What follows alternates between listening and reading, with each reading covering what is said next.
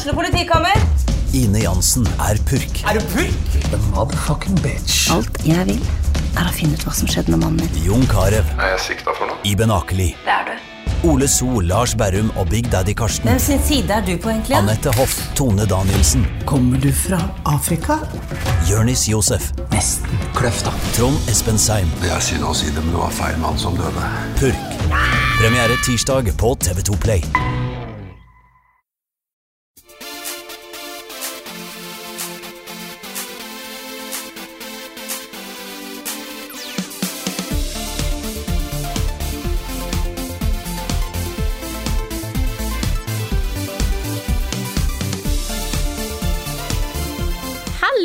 Alle sammen, og velkommen til en ny episode av podkasten Level Backup.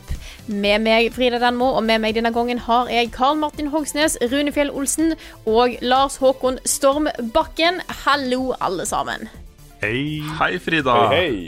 Nå har du bare tidenes lugneste, chilleste um, posisjon her på podkasten, Lars. Men uh, det er jo en Ja. ganske kjip grunn til det.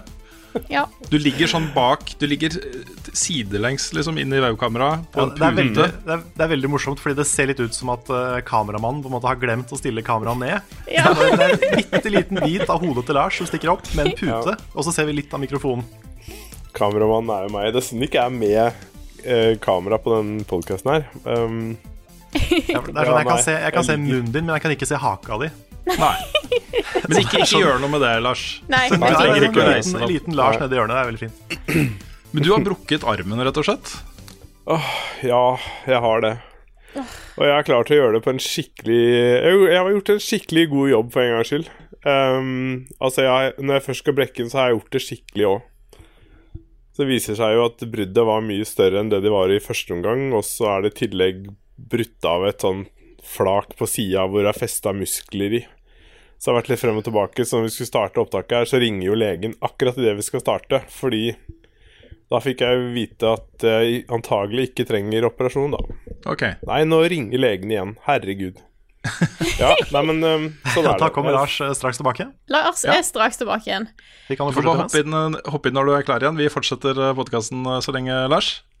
Yes. Nei, Lars har jo eh, fått en verre versjon av det bruddet som jeg hadde for tre år siden. Fire år siden. Så jeg, eh, jeg føler med Lars. Jeg syns, det er, jeg syns veldig synd på han. Det er jo kjipt med sånne brudd, for du kan jo ikke gipse det. Så da må du sitte der og kjenne på at beinet er løst i armen din. Uff. Og det her kom jo da fra basehopping eh, et basehoppingulykke, ikke sant? Han hoppa fra Oslo Plaza. Ja. Ja. Med, Nei, det var, det var ikke det. Nei. Nei. det var eh, uheldige ting som kan skje. Mm. Ja. Lars er litt utsatt på jobb. Han er jo sånn eh, trenermann. Trenermann. Yes.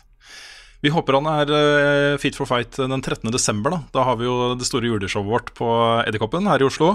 Det Jeg begynner å bli litt stressa på det. Det er liksom Jeg, jeg håper det kommer folk. Ja, jeg får håpe det. Håper det. Ja. Eh, Det blir et, blir et bra show, altså. folkens. Det gjør det. Det blir Vi koselig. sitter, vi sitter liksom eh, liksom finaliser resten av programmet. Eh, jeg vet ikke om vi skal tease litt hva vi har tenkt til, eller om det kommer Jeg kan, jeg kan si bitte litt, kanskje. Ja? Mm. For det blir, jo, det blir jo, som eh, mange kanskje forventer, så blir det litt spilling. Yes. Og kanskje litt, eh, litt kompetitiv spilling mellom ulike grupper av, eh, av mennesker som er med på showet. Kanskje det blir duell. Kanskje det blir litt duell, Mhm. og så blir det litt juleting. Ja. Jeg, Yes. jeg, jeg kan jo si at jeg sitter og skriver litt på en, en veldig koselig julefortelling som kanskje vil bli lest opp Framført? for, for publikum. Ja, det høres veldig bra ut. Så dette er special eh, kun for de som er der. Så eh, Yes. dette tror jeg er verdt å få med seg, altså. Jeg gleder Mm. gleder meg veldig. 13. desember. Billettene er lagt ut for salg på ticketmaster.no.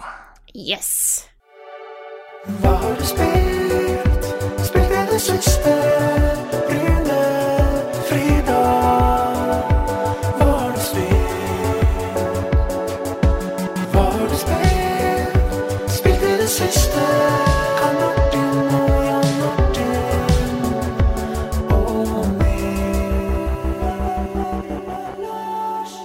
Vi yes. jo andre ting enn å brekke arm og eh, planlegge juleshow. Vi har jo spilt litt i det siste òg.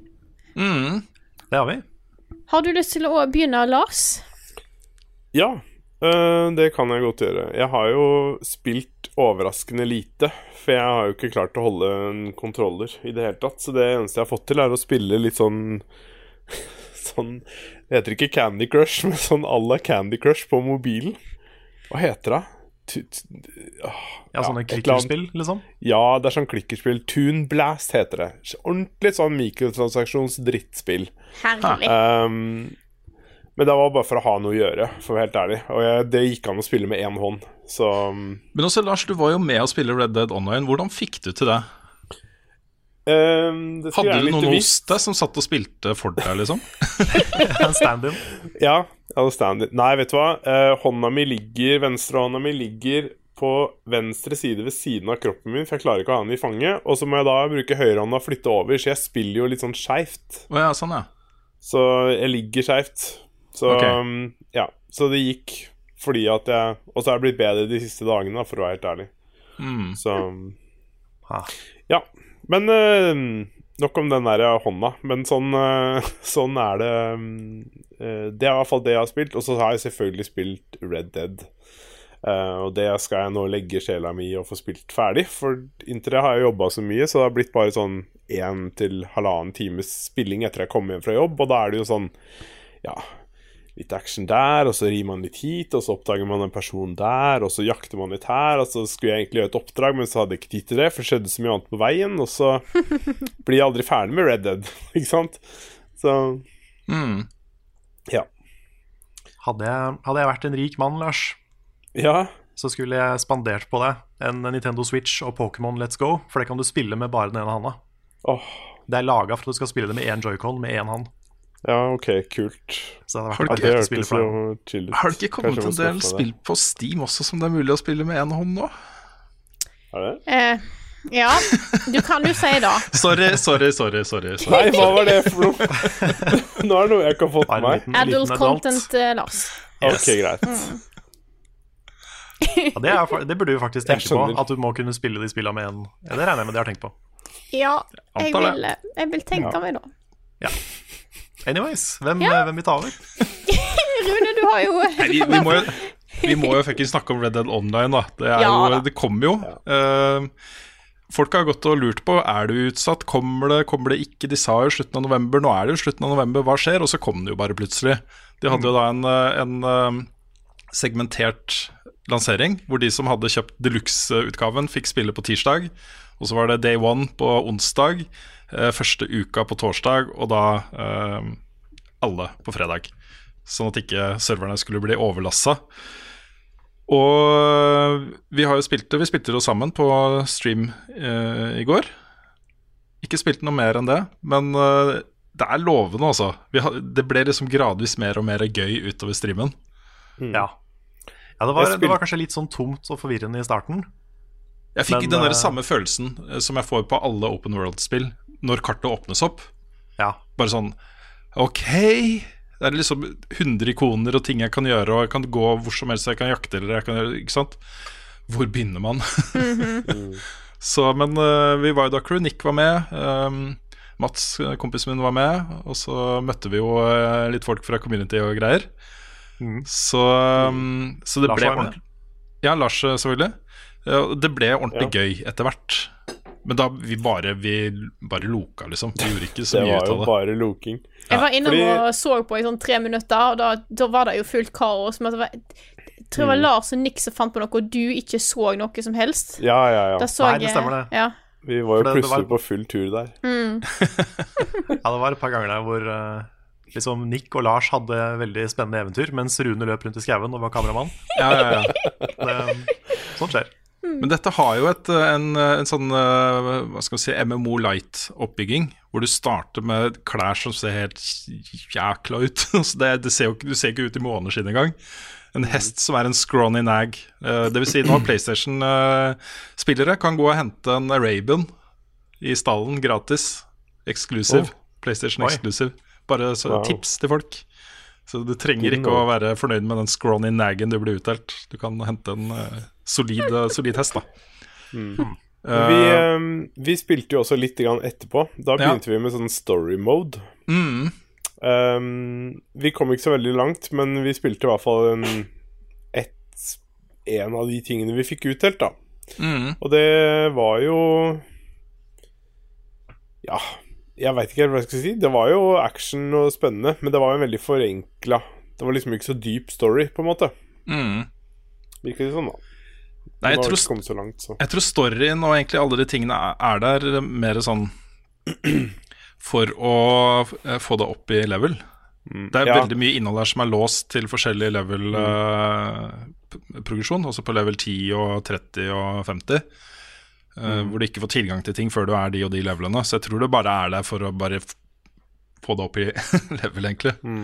Men noe av det var sinnssykt kult, for vi kommer inn til det første oppdraget vi gjør, og så Det var vel tilfeldig at vi gikk dit, for du kan velge liksom rekkefølgen, men der havner vi rett inn i noe som er fra Red Dead Redemption 1.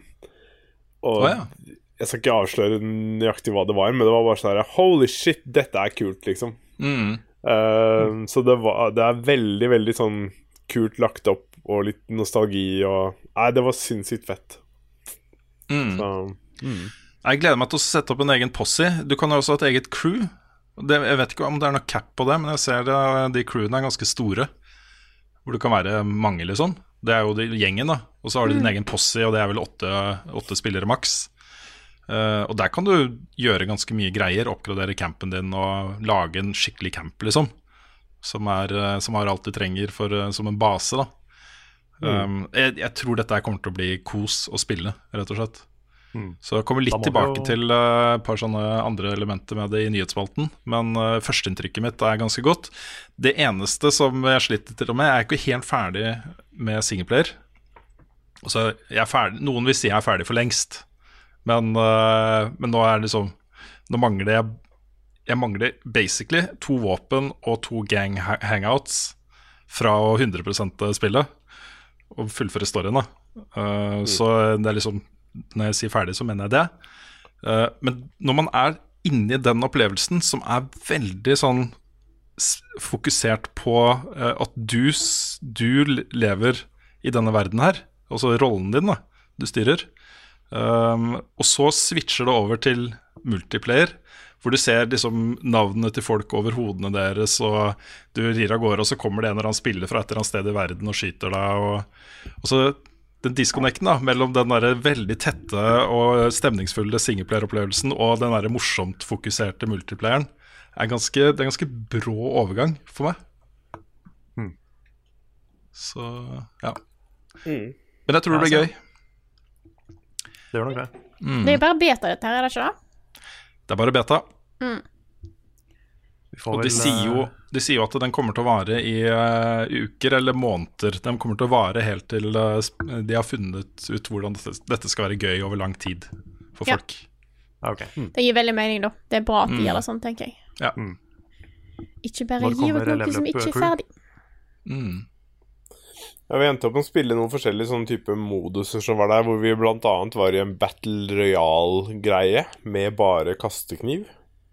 Ja, nettopp. Og så var vi en sånn free for all team deathmatch eh, Eller free for all Ikke team deathmatch, men ja, free for all. Eh, og så var vi også i en team deathmatch-lignende greie hvor vi var fire lag, tror jeg, mot hverandre. Mm. Tre stykker på hvert lag. Det var veldig kult. Ja, den den Battle Royale-modusen, det er for 32 spillere. Den ble jo eh, ikke annonsa på forhånd. Den var jo bare der når folk starta spillet. Så folk har jo antatt at det kom til å ha en eller annen form for uh, Last Man Standing-opplegg. Det har jo da spillet. Jeg kom på tredjeplass, for øvrig. Første match. Ah, nice, Eh, nice, nice. så det var jo gøy. Og Mr. David vant. Ja, ok. Riktig. Så. Ellers så er det jo eh, Jeg har fått et tips.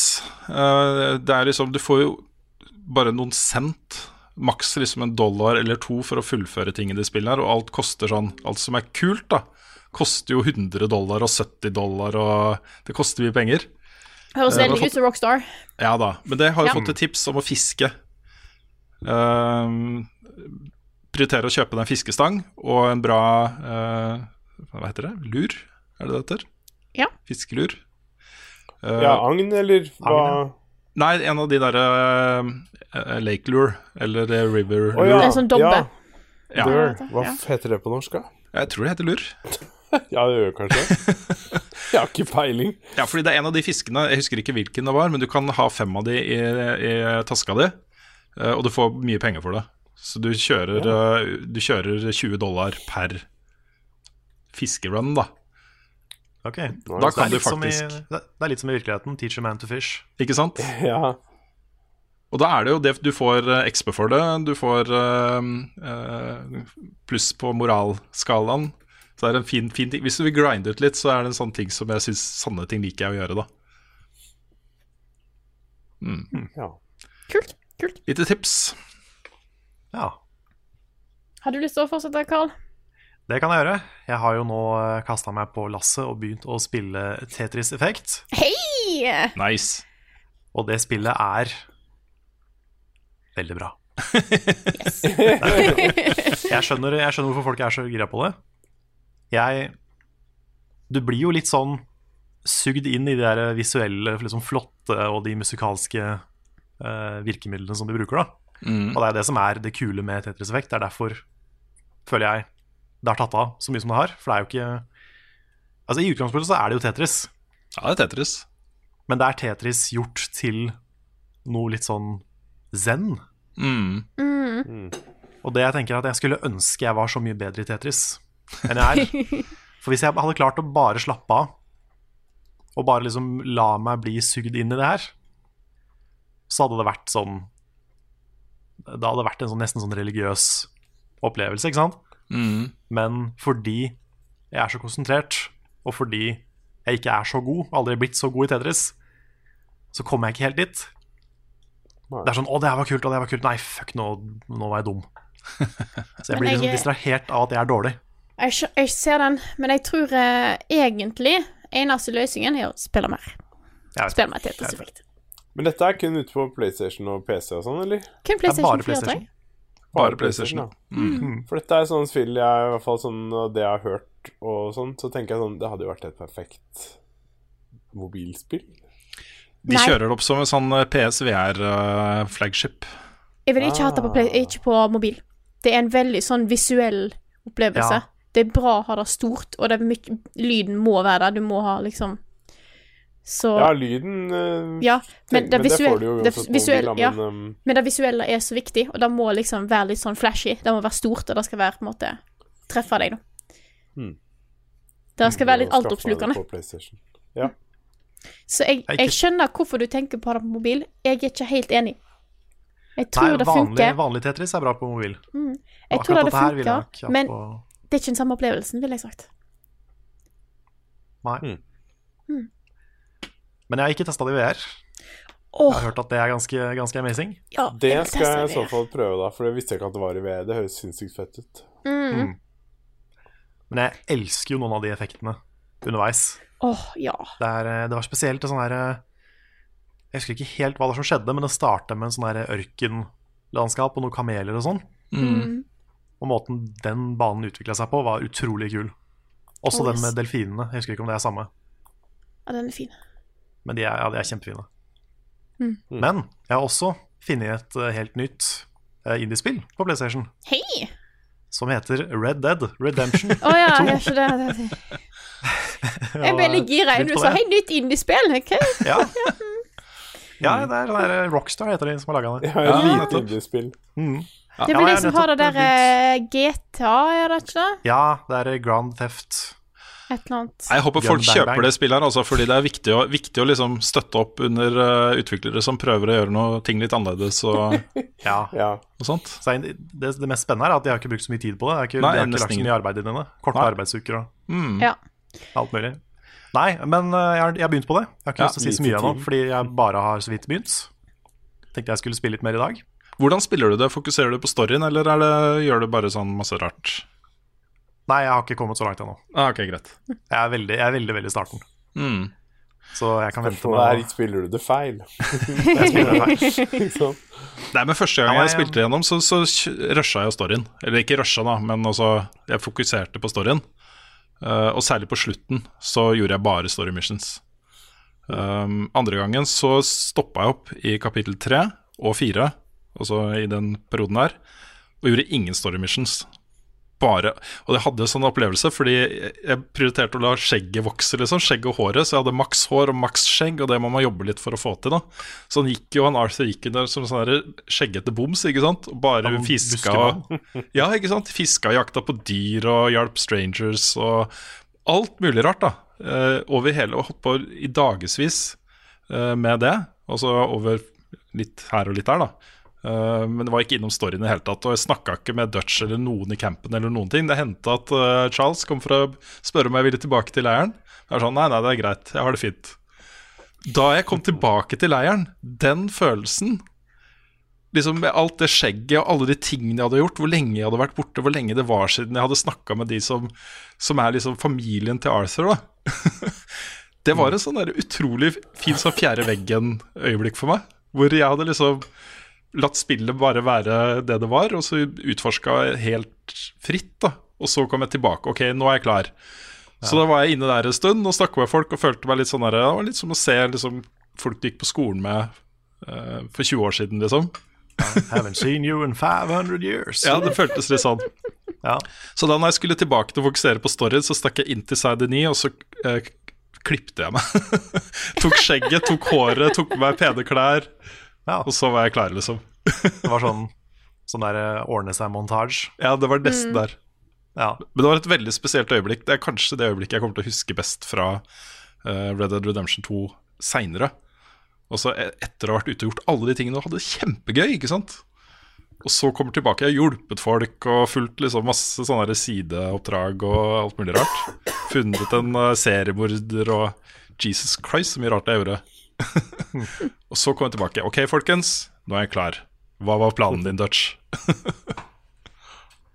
Ja, ja det, um, det jeg kan si da om det jeg har spilt, det er jo det, det alle sier. At det tekniske er jo helt, uh, helt latterlig bra. Mm. sånn de, Det de er, små ja, det, er ikke, det er ikke ofte vi oppdager feil i spillet, men jeg hadde en ganske morsom feil, sånn, ehm, sånn apropos. Uh, og det er jo Når de står i campen, så står Dutch lent inntil stolpen i teltet sitt, og så sitter Jeg husker ikke hvem som sitter ved siden av, kanskje det er Charles? Det sitter i hvert fall en fyr ved siden av. Og så går jeg Så står han der i Dutch og hele tiden liksom Hei, Arthur, Arthur, kom her. Men så går jeg og prater med han andre isteden. Og så når jeg begynner å prate med han, så sier han «Øh, Du har ikke sett Dutch, by the way? Så bare Jo, du, han står rett ved siden av deg. det er sånn derre Ja. Så det var tydeligvis ikke helt eh, harmoni akkurat der, men eh, Det kommer i, kommer i Red Dead 3. Ja. Ja, ikke sant? Da begynner uh, NPC-en å bli bevisst på hverandre. Ikke sant? Vi hadde jo en syk feil på online i går, som dere kanskje ikke fikk på film.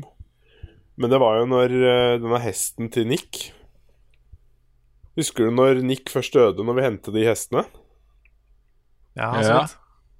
Ja, eh, Nick dør jo Han henter en hest. Vi skal se noen hester. Han henter en hest, og så dør han fordi at hesten teleporterer til Nick. Så instadør han. Oh, ja.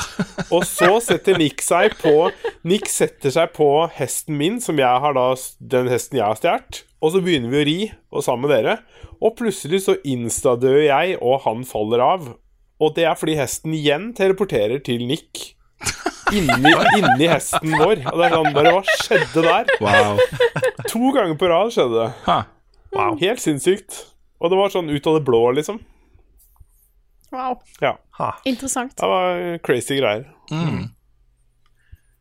Ja, nei um, Ellers har jeg ikke spilt så mye. Jeg venter jo nå på, eh, på Smash. Smash. Smash. Det er neste store nå. Så jeg skal prøve å få spilt så mye Red Dead som mulig, så jeg kan ha en mening om det. Og, eh, og venter på Smash. Mm. Jeg merker det liksom blir neste nå. Jeg har hatt uh, litt fri den siste uka fordi jeg hadde eksamen i dag. Hei. Som jeg tror jeg var, Bare så det er Mm. nevnt. Nice. Uh, så nå er jeg på en måte litt sånn back on track. Så blir det Smash som er neste nå, og så Yes. Jeg har spilt litt Tetris òg, da. Jeg, jeg har eh, kobla litt av med Tetris. Jobb Jobber med, jobb med videre. Eh, prøver nå å få minst A på alle level opp på normal, og så eh, etterpå så blir det ekspert, altså. Det, det Jeg har prøvd meg der litt allerede, men eh, vi får se. Det er litt eh, Det er litt vanskelig. Det er litt vanskelig. Det er det. Jeg syns det. Og det er sånn Å, dette her var så utrolig chill og deilig og avslappende og det var så bra. Og så nei, nei, nei, nei, nei. Og så er det ikke noe gøy. For det går greit liksom, helt liksom sånn Å ja, nå skal vi opp i speed 15, ja. Ja, men så greit. Hyggelig. Så får du aldri de blokkene du vil ha til riktig tidspunkt. Oh, og så nei, altså. blir man stressa, og så er det ikke så send lenger. Og så blir du sånn stressa, og så har du egentlig alt klart for å ha en Tetris, så bare venter du på den ene lange brikka, Ja. og så, og så setter du ting feil, og bare sånn Ja, men ikke vet du faen. Og så må Ja, du så kommer den ned så fort at ikke du får rotert den. Ja! The struggle. Ukens anbefaling. Hva skal jeg finne på? Ansvaret for dagens anbefaling har vi gitt til Lars. Vær så god. Takk skal du ha.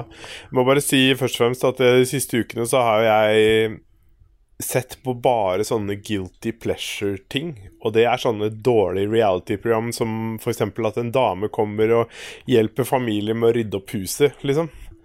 Ja. Eh, så men det er ikke det jeg skal anbefale. Men det Jeg, eh, jeg, jeg sendte dere det klippet ikke sant, fra Just Tattoo of Us. Å, jeg har glemt å se det. Å, Jesus Christ. det må dere se, altså. Ja, åh. Jeg må Det er det, syke, det er det dårligste jeg har sett, men på en sånn herlig bra måte. Ja, det må jeg sjekke ut. Men um, jeg har sett Jeg begynte å se helt tilfeldig på Netflix, for det er jo en god del sånne gode matprogram eller matserier på Netflix. Og det var en serie Eller er noe som heter The Final Table. Og det er en kokkekamp mellom Jeg husker ikke nøyaktig antallet, men at det er sånn 20 forskjellige kokker. Og da snakker vi ikke om sånn hverdagskokker, på en måte, men vi snakker om folk som har fått store internasjonale liksom både Michelin-stjerner og awards, og det er liksom flinke, eller ansett flinke kokker, da. Og det er så kult, for de jobber to og to sammen, og så får man Og gjerne folk som ikke har jobbet sammen før også, som må skape ting. Og de lager jo ting som ser helt sinnssykt ut. Jeg vet ikke hvor godt alt er, men det er bare helt vilt å se på. Og så er de i forskjellige land, og så har de Noen ganger så lager, skal de lage mat fra Mexico, da. Lage taco, eksempel. Og så Der er jo han ene, eksempel, har jo aldri spist taco i hele sitt liv. Og det er helt utrolig. At liksom en Michelin-fyr Men likevel så klarer de å lage noe som er liksom på en måte greia, da, fordi de har så sinnssyk kunnskap, ikke sant? Og det er bare det, de tingene de folka her vet om matvarer og ting, er jo helt sjukt. Om hvordan de kan bruke og, og skape ting med mat. Um, Og særlig sånn Alt fra liksom ja, fancy ting til ikke minst bærekraftig mat, da, hvor de bruker liksom hele dyret. Og det inkluderer liksom hodet og sånne ting, da. Um, ja. Nei, det er veldig spennende. Forskjellige land, og så blir de dømt um, av en kokk, kjendiskokk fra det landet, og kjendiser fra det landet. Og så må to av dem liksom stikke for hvert program. Og så forsvinner det flere og flere etter hvert, for til slutt så blir det jo Jeg tror det er ti programmer, og så skal de kvitte seg med Jeg husker ikke hvor mange. Men det, ble, det var veldig underholdende, veldig spennende. Mye, mye god mat. Så du blir i hvert fall sulten av å se på. Jeg så for meg et kult sånn twist på det konseptet der hadde vært hvis de slang inn Gordon Ramsay som, eh, som dommer. Der har du liksom stjernekokker, og så Ja, ja, ja. flyr han rundt og bare skriker til dem hvor Ja. udugelige de er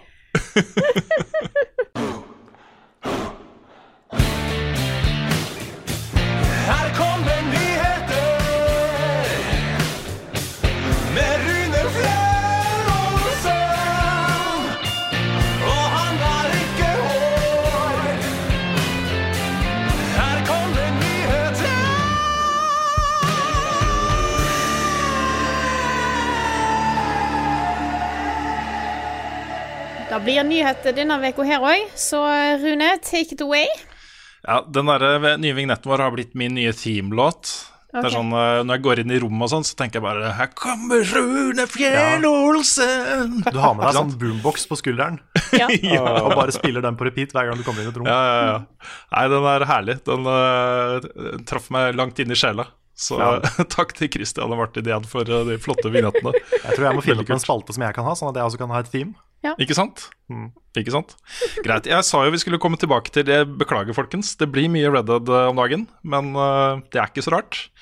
Alle jeg kjenner, spiller det. Nesten alle. faktisk. Ja, mange i hvert fall. Jeg kjenner. Mm.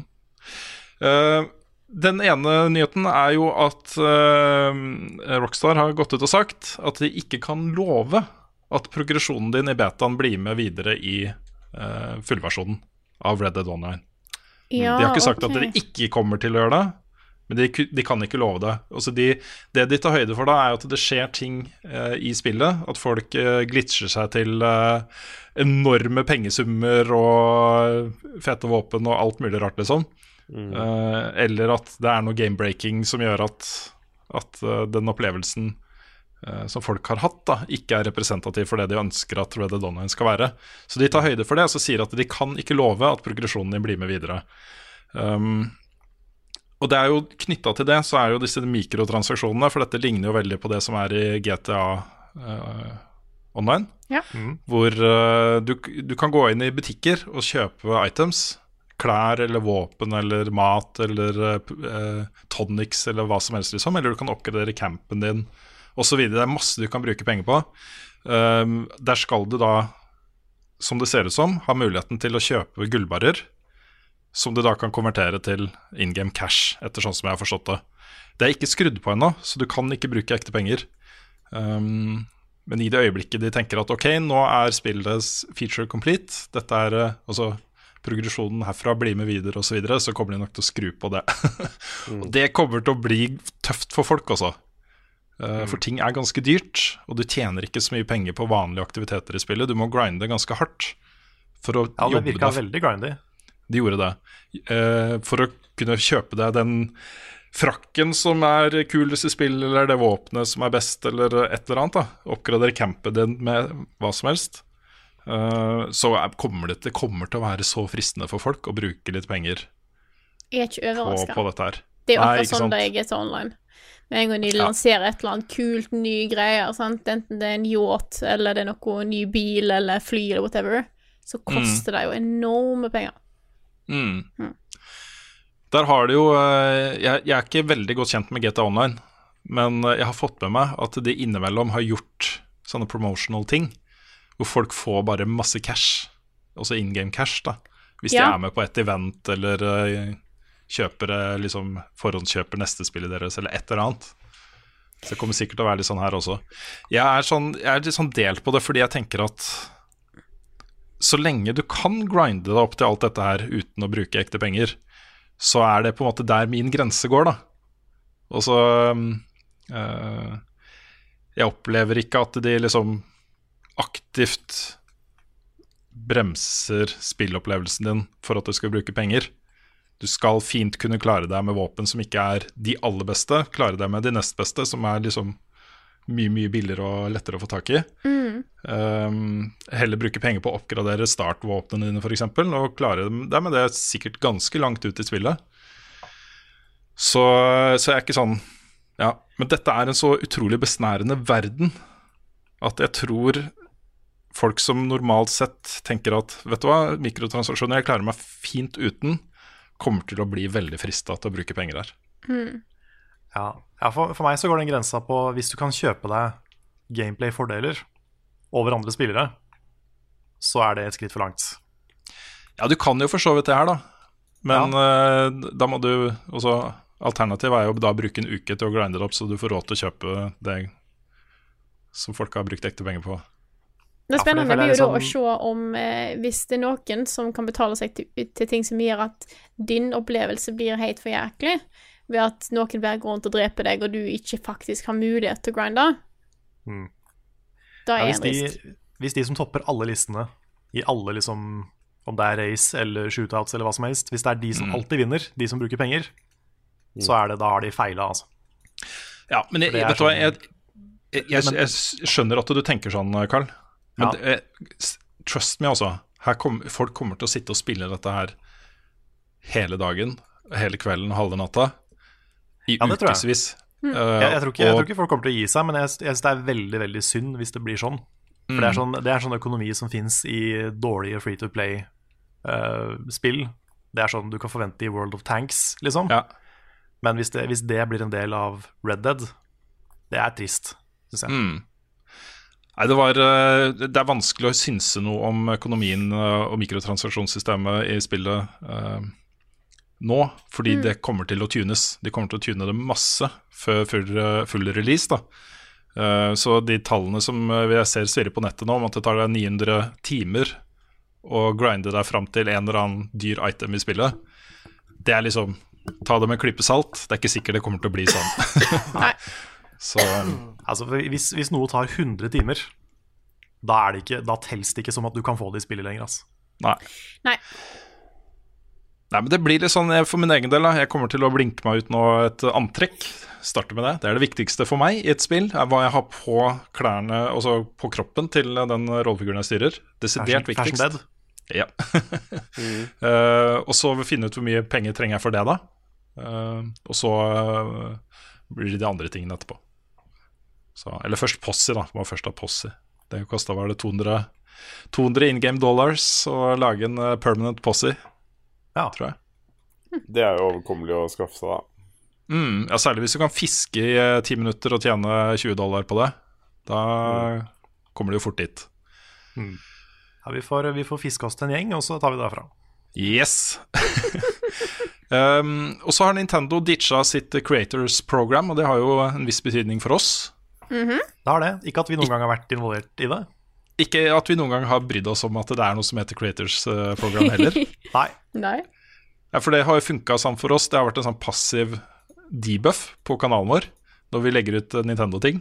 Hvor eh, ja, det er annonser på dem, men de annonseinntektene tar Nintendo. Ikke sant? Eh, hvis vi hadde meldt oss med, meldt oss på, da, blitt medlem av Creators Program, så hadde vi fått eh, 60-70% av de inntektene. Ja. Så det er, det er litt som å bli YouTube-partner med bare Nintendo. Ikke sant? Dette er at du deler liksom reklameinntekter på videoene dine. Ja. Men da jobber du samtidig på en måte for Nintendo. Da Ikke blir sant. du som en del av Nintendo sin PR-strategi. da Ja, for i tillegg, da, hvis kanalen din bare var Nintendo, så fikk du jo en høyere prosentandel av annonseinntektene, ikke sant? Ikke alt, selvfølgelig, for Nintendo skulle jo ha sitt, de også. Men jeg må Men bare det- ja. Nei, fortsett. Ja, Programmet er ditcha nå, så det, hjelper ikke å sitte her og kritisere det, for det er, eksisterer ikke lenger. Eh, det kom bare en sånn Twitter-melding fra Nintendo bare 'Nå er det borte, tusen takk til alle som var med', og, og Men, jeg tror, men de har jo endra litt på det, da. De har jo fortsatt noen, eh, noen basic rules. Ja da, det er kom, blitt erstatta med guidelines. Yes. Og noen av de går jo an til å på en måte se litt hvor kommer fra. Vi har jo for eksempel punktet her You are only permitted to use Nintendo game content that has officially been released. Og examples of unlaw infringing or inappropriate content include, but are not limited to, content that features pirated Nintendo software. Mm. Så dette er jo direkte kobla til uh, Smash-saken. Ja. Tydelig. Står det noe om uh, Bowsett? Jeg har ikke sett om det står noe om Barseth. Jeg kan ta Skal vi Det ta er sånn avsnitt, please don't. Det står ikke noe om Barseth, så, Nei. så, så vet dere det. Mm. Og så er det heller ikke eh, lov da eh, å legge ut eh, lange, sammenhengende videoer uten uh, behandling. At ikke du legger på ditt eget redaksjonelle innhold på det stoffet. Eh, så bare sånn no commentary eh, playthroughs, for eksempel, eh, står det i guidelines at ikke er lov, da. OK. Ja, ok. Så det er litt sånne ting. Jeg, jeg, tror, ikke vi, jeg tror fortsatt ikke vi trenger å tenke på de guidelines i Nintendo. Bare fortsette som vi gjør, Ja. og se hva som skjer. Det er ikke noe eh, Det har gått greit så langt. Det har det. Og de har jo ikke noe, de har ikke noe lovlig grunnlag for å, henge, for å legge seg opp i våre anmeldelser. Nei, Nei. det har de ikke. Uansett. Mm. Vi eh, skal tilbake til eh, det herlige eh, Hva heter det? Livsbejaende prosjektet som er Fallout 76. Eh, Ja. Vi skal ikke disse spillet i seg selv noe særlig mer, det har vi gjort nok. Men de hadde jo før lansering, som alle andre, en spesialutgave av spillet som het Power Armor Edition. Hvor de solgte en canvas bag, og hele pakka kosta 200 dollar. Du fulgte med et Power Armor-hode, Ja. må jo nevnes. Og en, en canvas bag. Og så Canvas får de den, bag, og så får de den bagen, og så er den av bomull. Ja, Nyland. Nyland var det. Nyland, Ja. selvfølgelig. Supercheapt Ja, ikke sant. sant. En sånn råtten bag. Folk er dritsure, da. De er sikkert sure, ekstra sure fordi spillet ikke er så bra. Ja. Uh, og de har kjøpt en Power Armor Edition til 200 dollar, et spill som de ikke liker å spille. Jeg tipper at det har noe med raseriet å gjøre. Forklaringen var jo da at de Hva var det sånn Not sufficient material. Det virker som at bare sånn Nei, de hadde dessverre ikke mulighet til å få tak i materialet. Det er tøy. ja. Ja. Ja. Nettopp. Har de, ikke, har de ikke også sagt at det var for dyrt å produsere den originalen? Jo, det er jo det. Jo da. Det er liksom Men da burde, da burde de tenkt på det før de Mm. begynte å selge den. Men ingen grunn til å fortvile, folkens, fordi uh, Bethesda skal jo selvfølgelig um, gi noe tilbake til alle de som har fått denne kjipe bagen. Er Så alle som eh, klager, da, de får da uh, 500 atoms. Og for det så Det, var det eksempelet så eh, på Eurogamer, kan du kjøpe deg en dør og eh, hva var det, søppelkasse eller noe sånt. Det ville vært fem dollar, tror jeg. ja, eh, et sted fire-fem dollar. Yes. Ja da. PR. All PR er bra PR, men nå begynner jeg å lure på om det kanskje ikke går helt i Betesta sin retning. Ikke sant? Nei, det her er, det her er rart. Ja. Mm. Det er sånn når du, når du allerede har fått så mye ræva PR for spillet, Mm. så kommer det her i tillegg, og du gidder ikke å ta det på alvor. Nei, Bare gi, gi de I stedet for 500, gi de 5000 atom, da, i hvert fall. Altså, gi, gi de noe Ja, altså, Den, der, den eh, virtuelle currencyen i det spillet er jo ingenting verdt nå. Nei. Det er For ingen som bryr seg om den. Ja, for Ja, noen da. kanskje. Har du kjøpt men sånn Power Arm generelt- Edition, så er du kanskje mer tilbøyelig til å faktisk spille spillet enn å Ja, hvis ikke du er enda mer sint, da. Ja, Ja, kanskje. kanskje, enda, kanskje. Mer, eh, enda mer Fallout-fan, sant, og så Mm. Ja. Ja, for jeg, jeg føler Fallout-fansen er de som er mest sinna her. Mhm. Det kan godt tenkes. det er, mulig det er feil, men, men jeg, jeg tenker sånn jeg spiller det og tenker at ja, dette her var kjedelig, men jeg blir ikke sur. Mens jeg føler Fallout-fansen er jo de som blir ordentlig provosert. Mm. Bethesda må jo snart begynne å gjøre noe med den der eh, motoren sin. Det, er, det virker jo ikke akkurat som om de Altså oppdaterer den noe særlig. De legger på nye ting i den og flikker litt på den, men det virker ikke som den er Altså, den er ikke solid nok da til å drive det, den spillserien eller de spillene Betesta ønsker å lage videre. Jeg får jo litt inntrykk av at, uh, at uh, Fallout 76 ble jo født av et ønske om å ta liksom Fallout 4-engine og bare gjøre det til et survival multiplayer-spill. Uh, og at det kanskje ble sett på som et lett prosjekt å sette i gang med. Uh, hvor vanskelig kan det være, liksom? så at det var derfor det ble kjørt gjennom. Da. Jeg tror ikke de hadde sett for seg at, uh, at verken skulle være så vanskelig å få til som det tydeligvis er. Uh, og at de skulle støte på alle de problemene de helt åpenbart har gjort da, i denne utviklingen. Er det noen som vet hvor lenge de jobber med det spillet før de ga det ut? Nei, det vet jeg ikke, men jeg tror det er i hvert fall to år, kanskje tre. Det er det, ja. Ja. Men en eller annen gang, i en eller annen del av prosessen her, så må de ha hatt utrolig tro på spillet, tenker jeg. Med tanke på at de kunngjorde det på en sånn svær måte som de gjorde. De hadde en egen sånn mystisk stream som bare gikk i mange timer. Og så kom traileren. Å, stemmer, det var den streamen der, ja! Ja, ja. Mm. Og det var jo, det var jo Alle prata om det. Ja, Ja. det var jo svært. Så de må, jeg, jeg tenker at de må ha trodd at dette her skulle bli dritbra. Ja, men de gjør gjør det. Også det å lage spill er jo en prosess hvor spillet ofte ikke blir bra før 80-90% av jobben er gjort, ikke sant? Ja, sant.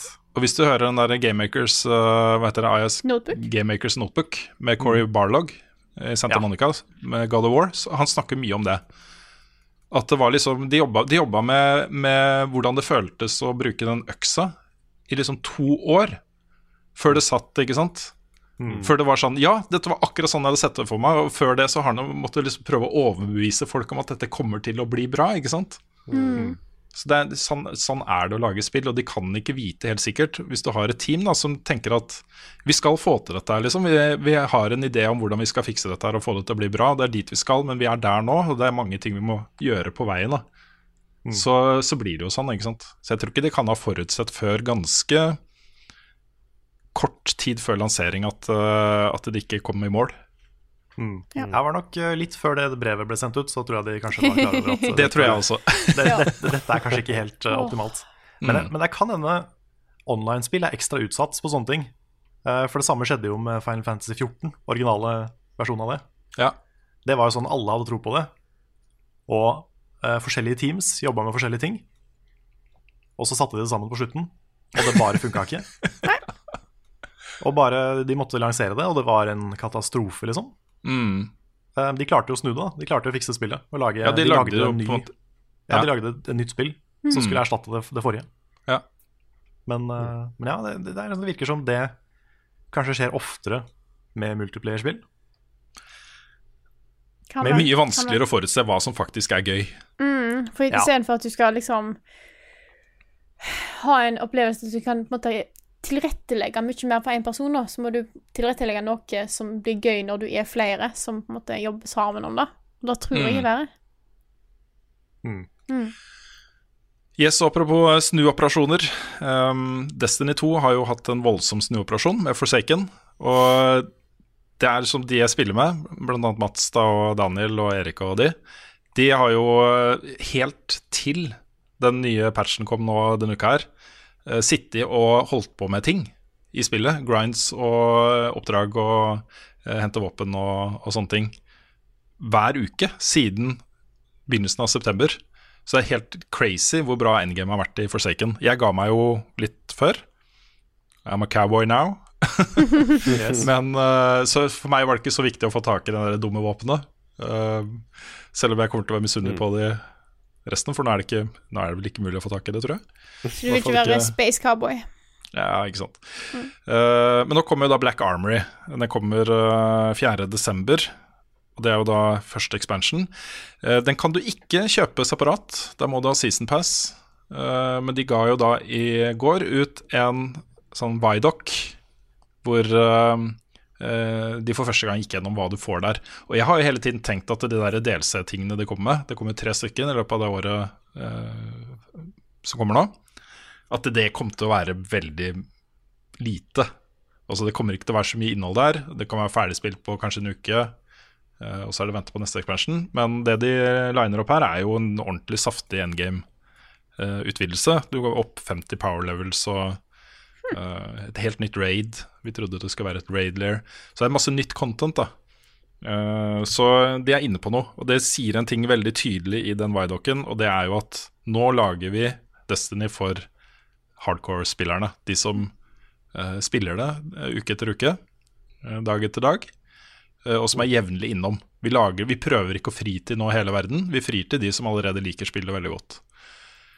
Så det er gode nyheter for de Er det gratis liker DLC, dette her, eller er det, Hva sa du? er det gratis, dette her, eller er det Nei, du må ha det season pass, da. eh, Ja, okay, så som jeg ikke sånn huska type- hva ok. Mm. Men det er jo veldig mange av de de snakker om der. De eh, faste fansene, liksom. De kjøpte jo, uh, kjøpte jo sånn special edition av Forsaken da det kom ut, som da inkluderte det season passet. Så um, Inkludert meg selv. Så jeg kommer til å spille det. Det kommer til å bli gøy. Men Ja, det- eh, I'm a det cowboy now. Selv om eh, Activision kanskje ikke er enig. Nei, det er øh, Jeg er veldig spent på hva de gjør der, men jeg, jeg tror liksom Jeg håper, krysser fingrene for at Bunji har klart å overbevise Activision om at det er det eneste økonomisk riktige å gjøre. Fordi de, de tåler ikke en nyutgivelse som, som Destiny 2 nå. Nei. Nei. Eller særlig da første delscenen. Da var jo da folk ble ordentlig pissed. Mm. Så Er det noe, er det noe snakk om Destiny 3 ennå? Ikke ennå. Nei. Men Det er vel øh, ment for Er det neste år eller året etter der igjen? Jeg tror det blir året deretter. Det, er jo, det tok jo tre år, gjorde det ikke det? Fra Destiny 1 til Destiny 2. Det kan stemme. Jeg husker ikke helt det. Tiden går litt fort vet du, når man har det gøy. Ja. Jeg tror det kan stemme. Flyr inn hverandre. Ja, nei, jeg tror ikke det kommer uh, neste år, men det, hvem vet. Det er, jeg, had- jeg håper jo jeg, hadde jo jeg har fortsatt et lite håp om at det nå bare fortsetter. Men det er noe et eller annet med liksom den der Activision, Destiny, uh, Blizzard Tingene som også Det rører en del ting på seg nå. Jeg vet det går masse rykter nå om at uh, bedriftskulturen i Blizzard for første gang ever har blitt litt sånn toxic og påvirka av inntjeningskrav, um, sånne ting, da. Så selv om de tjener milliarder, så tenker liksom ja, vi, må, vi må tjene enda mer. Spare mer. Kutte kostnader. Sparke folk. Ikke sant? Det er ikke bra. Nei, Det ikke holder å tjene penger, men du må tjene alle pengene. ikke Ja. sant? Så, så jeg vet ikke. Jeg, jeg tenker jo at sånn som eh, Black Armory og Forsaken kan være en litt sånn motkraft da, til det. Hvor eh, det er helt tydelig at her sitter utviklerne i førersetet og har tatt de valgene som er riktige for eh, spillet. Ja, Så hvis ikke hvis- Activision blander seg inn for mye, så Mm. Hvis Activision gjør noe dritt med Sekiro, Ja. da Det blir skandale, altså. ja. Du kan ikke putte mikrotransaksjoner inn i et uh, Soul-spill. Det går ikke. Det Du går kan ikke. prøve, det vil gå til helvete. Ja. Men ja. Og det blir en ordentlig eh, prøve for deg, eh, Carl. Ja, Hvis, ja. hvis det spillet har mikrotransaksjoner. ja da, må jeg, altså, da blir det sånn soul-searching journey for meg. Ikke da må sant? jeg reise opp i fjellet og tenke meg om og sånn. Ja. Kommer Ruen sin standup på DVD, eller? Jeg selger ikke guttenavn. Hva er det verste Carl har? Hvilket språk snakker Frida egentlig? Hvorfor er Mario rørlegger? Er vi klare til å svare på litt spørsmål? Nei! Nei, ok, men da sliter vi litt, for det var egentlig det som var planen nå. Takk for i dag. Det var hyggelig at alle hørte på. Jeg vet ikke om du fikk med deg, Rune. Vi har hatt vignett. Vi har hatt vignett. Ja. Nei, jeg bare jeg, jeg la aldri en mulighet til å si nei, gå Nei. fra meg. Ja, okay. i Her level i up-sammenheng. så føyer vi oss etter de nye vignettene. Ja, faktisk. Så, sånn er det bare. Ikke snakk om noe annet. Nei, men vi kan begynne å svare på spørsmål som er litt knytta til det vi tok opp forrige uke. Når det kommer til VR. Vi får spørsmål her fra Magnus Tangen, som spør Hei. Eh, skriver først takk for flott podkast og YouTube-kanal. Dere er et lyspunkt i hverdagen. Takk for det. Eh, Tusen takk. Han spør Er litt forundret over det dere sa om VR i forrige episode. Er det sånn at dere holder dere oppdatert på hva som skjer, eller har toget forlatt perrongen og latt dere bli igjen? Så Med blunkefjes. Med Det er sånn derre- det er sånn derre vi, vi vet han ikke mener Ja, ja, eh, ja, å være slem her, liksom. Det er en det kul sånn liten Et lite stikk til oss. Litt sånn Som jeg var veldig, litt sånn raft. Ja. Litt sånn, ja. Yes. Ja. Han skriver òg at han har god erfaring nå med eh, Windows Mixed Reality Headset. Da vet ikke jeg så mye om. Veldig Nei, kult. ikke jeg heller. Nei, jeg skal ta og sjekke litt mer opp i det. Um, Toget har forlatt perrongen, rett og slett. ja. Nei, Og der da- står vi igjen. Ja, Sånn ja. er det. Nei, det er egentlig så eh, problemet med VR at det har, det har en del problemer nå, men jeg syns VR er dritkult.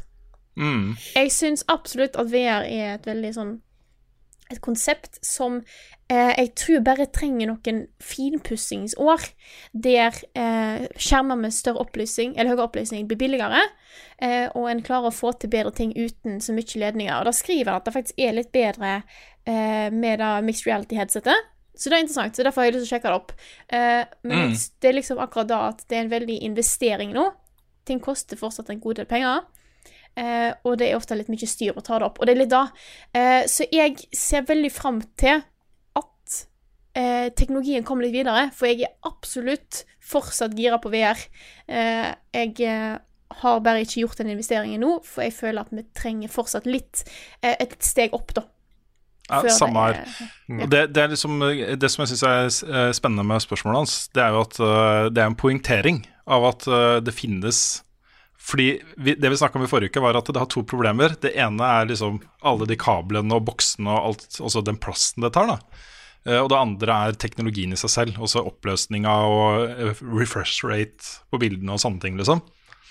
Um, så det, det han poengterer, er jo at den ene av de to problemene er Det er den mixed reality-headsetet eh, som han snakker om, Windows, og uh, Oculus Go. De to løser jo det problemet. Oculus Go er jo standalone, og så har du disse her mobile vanlige hvor du bare putter i mobilen. Uh, og han bruker jo en Lenovo Explorer som han sier koster 2000 kroner, så billett, inngangsbilletten er også ganske lav, da. Mm. Og da har jeg sjekka nå. Det er et eh, Windows Mixed Reality-headset, men det er Lenovo sitt. Det koster 2000 kroner. Så jeg kan faktisk Ikke sant? Can, can confirm at det koster 2000 kroner. Ja. Så du kan få dritbra VR-opplevelser nå til en billig, relativt billig penge, uten alle kablene. Mm. Så men det andre punktet er like viktig for meg. Ja. Ikke sant? Ja, ja for, for min del så Jeg syns Jeg har aldri vært sånn kjempehypa på VR. Men det er fordi jeg fortsatt venter på det spillet som skal selge meg på det. For det er, det er mange små spill som er bra. Sånn som vi anmeldte, eller jeg anmeldte Moss. Det var et kult VR-spill. Men det er jo ikke liksom Det har ikke vært et høydepunkt for meg i år på noe som helst måte, liksom. Det er, sånn, Det er kult mens det pågår, og så, og så Ja. glemmer man det. det er en kul opplevelse, men det er liksom ikke noe som har blitt med meg da, videre. Nei. Jeg, skal, jeg vil lyst til å ta opp et annet spørsmål her samtidig, som er litt relevant. Eh, til meg fra Karoline Berstad, som skriver så Frida. Beat Saber, OK, VR, du blir kvalm, men kanskje det går? Jeg blir faktisk ikke kvalm av VR, og det er veldig interessant. Det er noen sånn, Hvis det er på en måte veldig mye vingling eller endring av på en måte, synsvinkel og sånt, men ellers holder VR seg eh, på, en måte, på my good side. Og jeg tror hvis jeg hadde hatt et eh, VR-headset, så hadde jeg ikke gjort noe annet enn å spille Beat Saber, for det ser så jæklig bra ut, og jeg er så up my valley at det er helt eh, Ja. Så absolutt, det finnes veldig mange kule konsepter. Det er bare at akkurat nå, å betale de La oss si selv for Lenovo-headsetet, da. 2000 kroner for de spillene som jeg er interessert i nå, som blir da Beat Saber og Tetris-effekt. Og Derasiné. Og Derasiné, selvfølgelig. Mm. Um, og et par, et par til, for det er jo flere. Det er flere VR-titler der som hadde vært interessant å sjekke ut. Men det er en investering for meg som jeg ikke helt klarer å ta, når jeg tror at de store opplevelsene vil komme på neste generasjons headset. Mm, ærlig. Det tror jeg også. Men jeg tror også at vi burde, hvis noen har tid til det, ta en liten gjennomgang av eh, PSVR, rett og slett. Eh, ikke det, også det Flesteparten av de spillene som er uh, kjent for å være bra på PSVR, er også ute på de andre, Vive og Oculus. Uh, men det er en sånn samling med spill der nå som begynner å bli ganske god, da, som har kommet i år. Og et spill som veldig mange snakker om som et av årets beste spill, er et spill som heter Astrobot. Som visstnok skal være helt konge på PlayStation VR. Sikkert på de andre, det vet jeg ikke. Ja, og det har jeg sett. Jeg kom, ja, når du nevner det. Det har jeg sett. Mm. Det ser Det hadde vært- kjempekult ut. Det hadde vært kult å tatt, fordi du, du hadde jo den gjennomgangen din, eh, Karl, hvor du mm. testa VR og gjorde det som en liten serie. da Men det hadde vært kult å bare lage en sånn Hadde vi jobba i VG, vet du, så hadde vi gjort det. Ja. Her er de beste spillene til PlayStation VR. Det er en god, uh, god video for oss.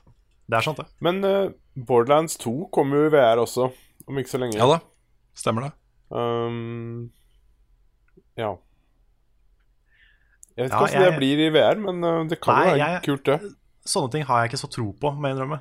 Sånn, det å bare konvertere spill som fins, til VR, eh, det blir sjelden så bra som man ser for seg. Mm. Du har den der bevegelsesgreia som fort blir kjip. Spørs hva de har gjort med det, egentlig. Ja. Men så husker dere, husker dere videoen fra Doom VR? Ja. Da var det jo sånn, du bevegde deg vel ikke så mye. Du teleporta til liksom punkter rundt omkring på map, og så skjøt du fiender. Også, te Mm, altså ikke teleporta, men også litt sånn derre Ja. Strikkeffekt, da. Mm. Du hekta deg på punkter, også. Ja, for det funker Ja. litt sånn der Spiderman-movement. Ja, Mm. Det kan grappling hook eller sånt. Ja, noen blir litt kvalme av det, men det syns jeg fungerer mye bedre enn det å gå Ja. i VR. Så jeg er litt spent på Mm. Jeg, jeg tror Igjen så tror jeg de store opplevelsene vil være VR-spill, ikke adopsjon av eksisterende spill. Mm. Ja, det er, eh, det er et, nytt, altså et nytt marked på samme måte som mobilspill, som utviklerne på en måte må finne ut av. Mm. Hvordan man gjør best mulig. Ja. Fordi jeg tror det som veldig mange går og er hypa på når det gjelder VR, eller som tenker at det er det som er hva VR er lagd for, det er jo de der hvor du flytter inn i en virtuell verden, på en måte, og har et skikkelig epic adventure der inne med masse ting som skjer, og det går over lang tid, og store områder, og det er flott og vakkert og, og sånt. Du har lyst til å være der, ikke sant? Mm. Uh, det er noen spill som har gjort det nå. Skyrim, eksempel. Men det er, folk orker jo ikke å spille mer enn en halvtime, time om gangen før de blir slitne, ikke sant? Nei, nei, jeg spilte det der, hva het det? Vanishing Realms på Vive. Det var sånn dungeon crawler-type spill. Og det var helt sykt, sånn den innlevelsen du får. Mm. For du har sånne cartoony sånne skjelettfiender som ser ut som sånne Green of Time-fiender, liksom. Mm. Men når du får det i VR, så blir til og med de dritskumle. og de kommer opp til deg, og du bare Hva er Shit, nå er det, skjoldet mitt er der! Og så må du liksom prøve å slå dem, da, og det er helt, du får helt noia. Mm. Og det er sykt kult. Men så er det over. Ja.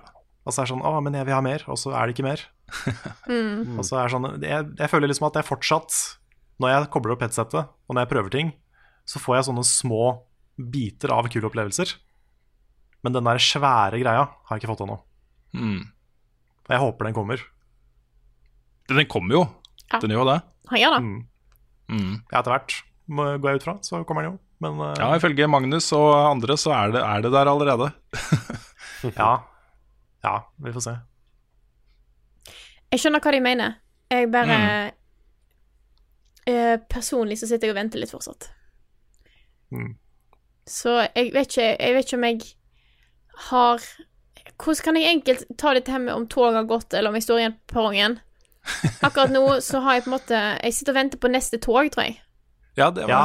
Ja. Mm. Ja, det, det er altså Jeg sitter og jeg følger med på, på rutetabellen. Ja. Mm. Jeg har ikke helt bestemt meg for hva tog jeg skal ta ennå. Kan jeg si det? Ja? Nei, da Det blir. Shinkansen. Det blir Shinkansen, Det blir Shinkansen. den er alltid i rute og går veldig fort. Ja.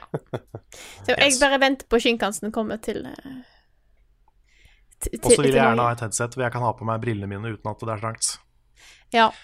Ja, eller som du, du, kan, du kan stille inn på optikken ja. til din styrke, og så kjøpe et VR-headset som er tilpassa dine øyne. Oi, det hørtes dyrt ut. Ja, det Nei gjør da. Um, Altså, bare, bare mine briller er dritdyre.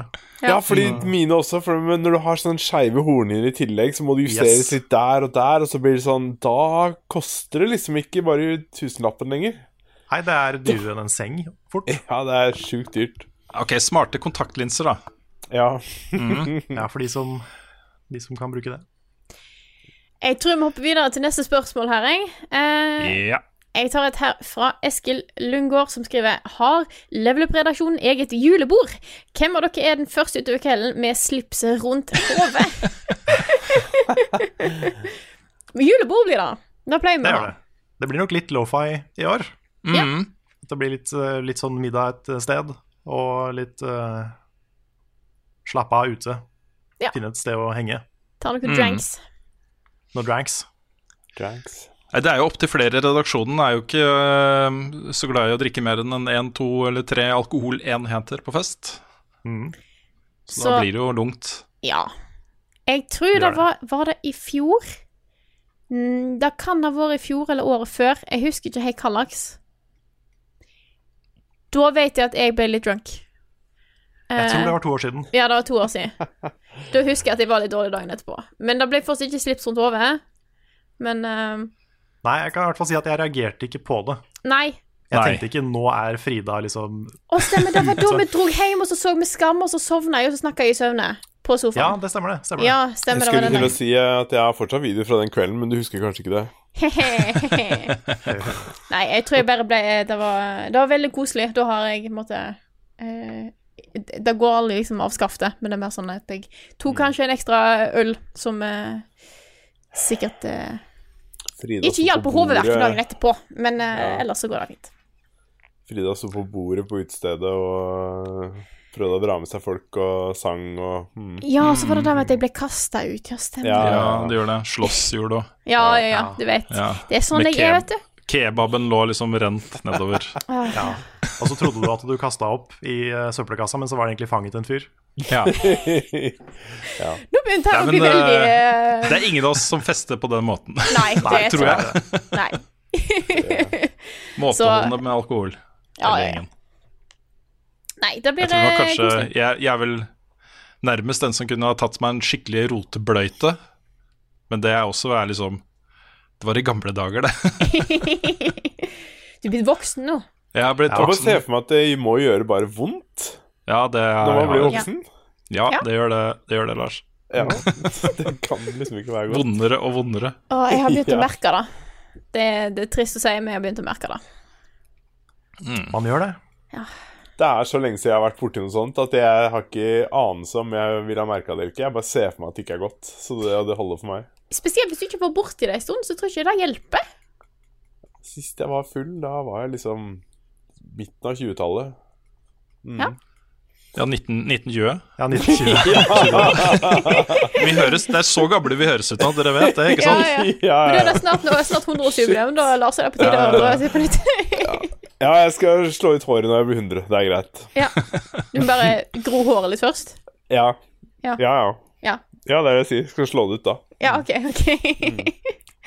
Åh, nei, men jeg eh, gir stafettpinnen videre til Stafettpinnen, sa jeg da rett ord? Nå er jeg, nå er jeg med Det ble riktig Jeg tror kanskje du sa stapettfinnen. Det tror jeg jo gjorde. Stapettfinnen. Da, da, er- jeg har lånt en eller annen sånn finne som jeg bare tar kast til dere. Nei. Mm. Eh, Nydelig stafettpinnen ord. videre til dere. Vær så god. Ja, jeg har litt lyst til å begynne, ja, fordi eh, da har jeg en ørliten mulighet til å velge det ene spørsmålet som Carl har funnet fram.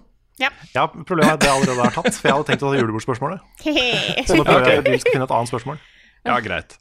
Eh, jeg tar et fra Einar Pedersen, eh, som skriver Mitt favorittspill gjennom alle tider har blitt Bloodborne. Jeg har ikke ord for hvor nydelig det spillet er, og det var mitt første skritt inn i en ny sjanger. Jeg elsket det så høyt at det ble min første platinum, inkludert DLC. Derfor har jeg heller ingenting igjen for å uh, gå tilbake til spillet, og det er trist. Hva er deres tanker rundt at trophies, som er insentiver, også kan fungere som motivasjonsfall for å gå tilbake til noe man virkelig er glad i? Um, og jeg er ikke helt enig. Uh, jeg tenker at når trophies og achievements er gjort riktig, så hjelper det deg til å oppdage sider av spillet som uh, du kanskje ikke ville ha oppdaget uten.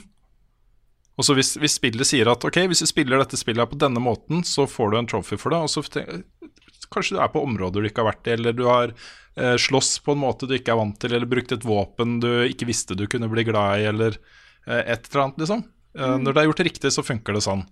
Og det gjorde definitivt det i Bloodborne for meg også. Jeg spilte det på måter som jeg ikke ville ha spilt det på normalt sett, da, og oppdaga ting der som jeg ikke ville ha oppdaga. Fordi jeg ble viktig for meg å få den, eh, den eh, platinum-trophyen. Ja, jeg tror jeg har sett for mange dårlige trophies og achievements til å gidde å bry meg lenger. Mm. Det er sånn, Jeg bryr meg ofte om å 100 til spill, men det er i så fall å få 100% i spillet. Helt uavhengig av hva trophies er. Så hvis jeg, hvis jeg f.eks. har liksom completa da, et spill, men det fortsatt er fem trophies jeg ikke har, og, og de trophyene er sånn Spill 1000 online-matcher, eller, den- eller den type ting, da. Ja. Da driter jeg i de. Det er ikke viktig for meg i det hele tatt. Ja, det er dessverre viktig for meg. Ja, det er veldig interessant, for at jeg er heller ikke på trophy-greiene. Jeg vet, hvis da å gjøre alt i et spill, ikke nødvendigvis har trophies, gir meg noe ekstra, eksempel i uh, Ja, hva kan jeg si da? Super Mario Galaxy. Du kan unlocke Luigi, og eh, Rayman eh, Origins der, og Legends, der hvis du gir alle banene perfekt, og gir alle time trials og finner alt i spillet, så får du en ny bane. Sånne ting gjør jeg. Og med en gang jeg har gjort sånne ting, så på en måte føler jeg meg ferdig. Litt det samme i eh, Super Mario 3D World. Der òg tok jeg alt for å kunne få det siste området. Men med en gang jeg har gjort ja, det, så er det, det- er ferdig. Hm? Ja, nei, for det er det ene Mario-spillet der vel ikke gadd. Ja, stemmer det. Fordi da var jeg liksom, jeg var ferdig med alle banene, og så ba spillet meg om å gjøre det fire ganger til. Ja. og det gadd jeg ikke. Nei. Vi var to stykker som gjennomførte det, og da er det på en måte greit, fordi at du må gjøre det med alle karakterene, tror jeg. Mm. Så det var ikke så mye styr egentlig, fordi at det gikk dobbelt så fort. Mm. Ja. Det er et element der uh, som uh, det, blir, det blir litt personlig, da. Um, men sånn som i år, for eksempel, så har jeg fått platinum i Dark Souls 3 og i Shadow of the Colossus-remaken. Uh, godt på vei i Red Dead, må jeg innrømme. Um, skal se, er det flere jeg har fått platinum i år? God of War har jeg fått platinum i. Det var jo den enkleste av dem, da. Um, den, den følelsen av å få det platinum-trofeet har verdi for meg. Altså det, det, den der følelsen av å ha fått til noe. um, fått til noe det beste i et spill jeg er veldig glad i. Det er litt som sånn Jeg tror det er mange, inkludert meg selv, som uh, griper litt tak i den trofeen. Fordi kanskje det er altså, Det er ikke noe hemmelighet at det er ganske slitsomt å ha små barn og, og, og sånne ting. Uh, at hverdagen er liksom, kan være litt sånn ja, tøff noen ganger. Ja. Så det er liksom det, Den mestringsfølelsen man får da av å oppnå noe som tilsynelatende er umulig, er ganske sterk. Så for meg blir det litt det, egentlig. Lite grann. Ikke at jeg har det fælt i hverdagen, altså, men, uh, det er utrolig deilig når ungen er i seng, å sette meg ned og jakte på en eller annen trophy som er vanskelig å få tak i, f.eks. I et spill jeg er veldig glad i. Men det er, det er litt interessant, det der. Det er noen som, det er mange som snakker om at uh, Souls-serien har vært en sånn Ikke, ikke kur, men en, en, en, hjelp, men en hjelp gjennom depresjon, f.eks. Mm. At det, det å få en sånn utfordring, og klare å mestre den, har vært en litt sånn gateway til å bli bedre. da Mm. Og det tror jeg på. For det, den, det, man føler jo den når man spiller, og når man klarer å mestre et sånt spill. Mm. At det, det føles som noe som har en verdi. Selv om Mm. det, du kan jo si at det bare er et spill, og sånn, og sånn men, men det får en verdi for deg. Mm. Og den er ikke helt ubetydelig, syns jeg. Nei, jeg er litt opptatt av den der med eh, både virtuelle gjenstander, eh, men også virtuelle opplevelser. At det har stadig mer, da, føler jeg, eh, en, en reell verdi for folk. Mm. Man skal liksom ikke kimse av den følelsen man får av å oppnå ting i virtuelle verdener. Eh, om det er trophies, eller om det er eh, eh, bare fullført 100% eller om det er at du har fått tak i perfekt roll av et våpen, eller hva som helst, da. Det, det har verdi. altså Det er opplevelser i hverdagen som har verdi, og som eh, kan eh, heve livskvaliteten til folk. Eh, og det, det kommer til å bli mer og mer sånn, da, tenker jeg, for veldig mange. Mm. Yeah. Men et poenget hans var vel mer det at han nå ikke føler at han har noen grunn til å komme tilbake til Bloodborne, som er favorittspillet hans noen gang, og han er litt trist for det. Um, jeg er ikke sånn. Jeg kan fint sette meg ned med Bloodborne nå og oppleve det en gang til. Kanskje med en annen bild, eller uh, et eller annet. Ja, for det, sånn tenker jeg. Mm. Det må ikke nødvendigvis være en trophy. Du kan jo finne på dine egne utfordringer også. Mm. Som Ja, å sånn- spille med en, eh, med en blood tinge character, f.eks.